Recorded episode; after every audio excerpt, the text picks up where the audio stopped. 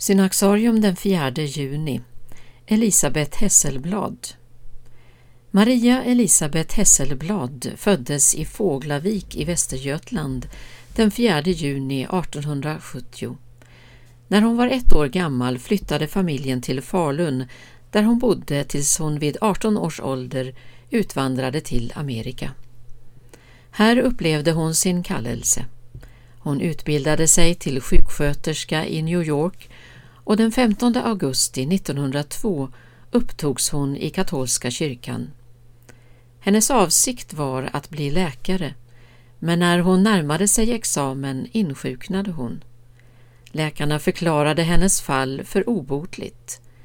Elisabeth Hesselblad begav sig då till Rom för att tillbringa sina återstående dagar i det hus där den heliga Birgitta hade levt och dött.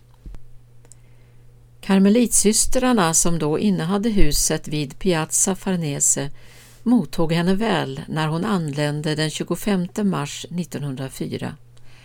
Hennes hälsa förbättrades nu långsamt och hon kunde genomföra den förnyelse av Birgittinorden som skulle bli hennes stora livsuppgift.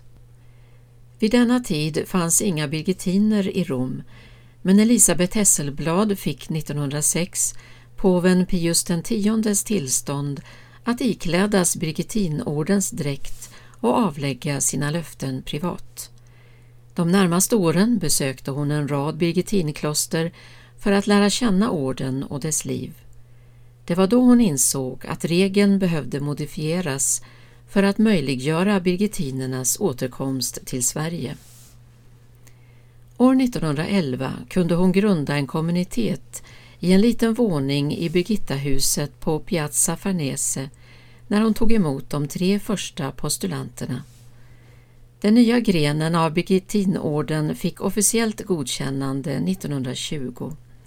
I juli 1923 anlände moder Elisabet till Sverige och Vadstena i samband med 550-årsfirandet av den heliga Birgittas död.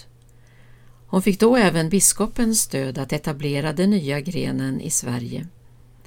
Man fann ett lämpligt hus i Djursholm med utsikt över vattnet som skulle visa sig bli en idealisk reträttmiljö.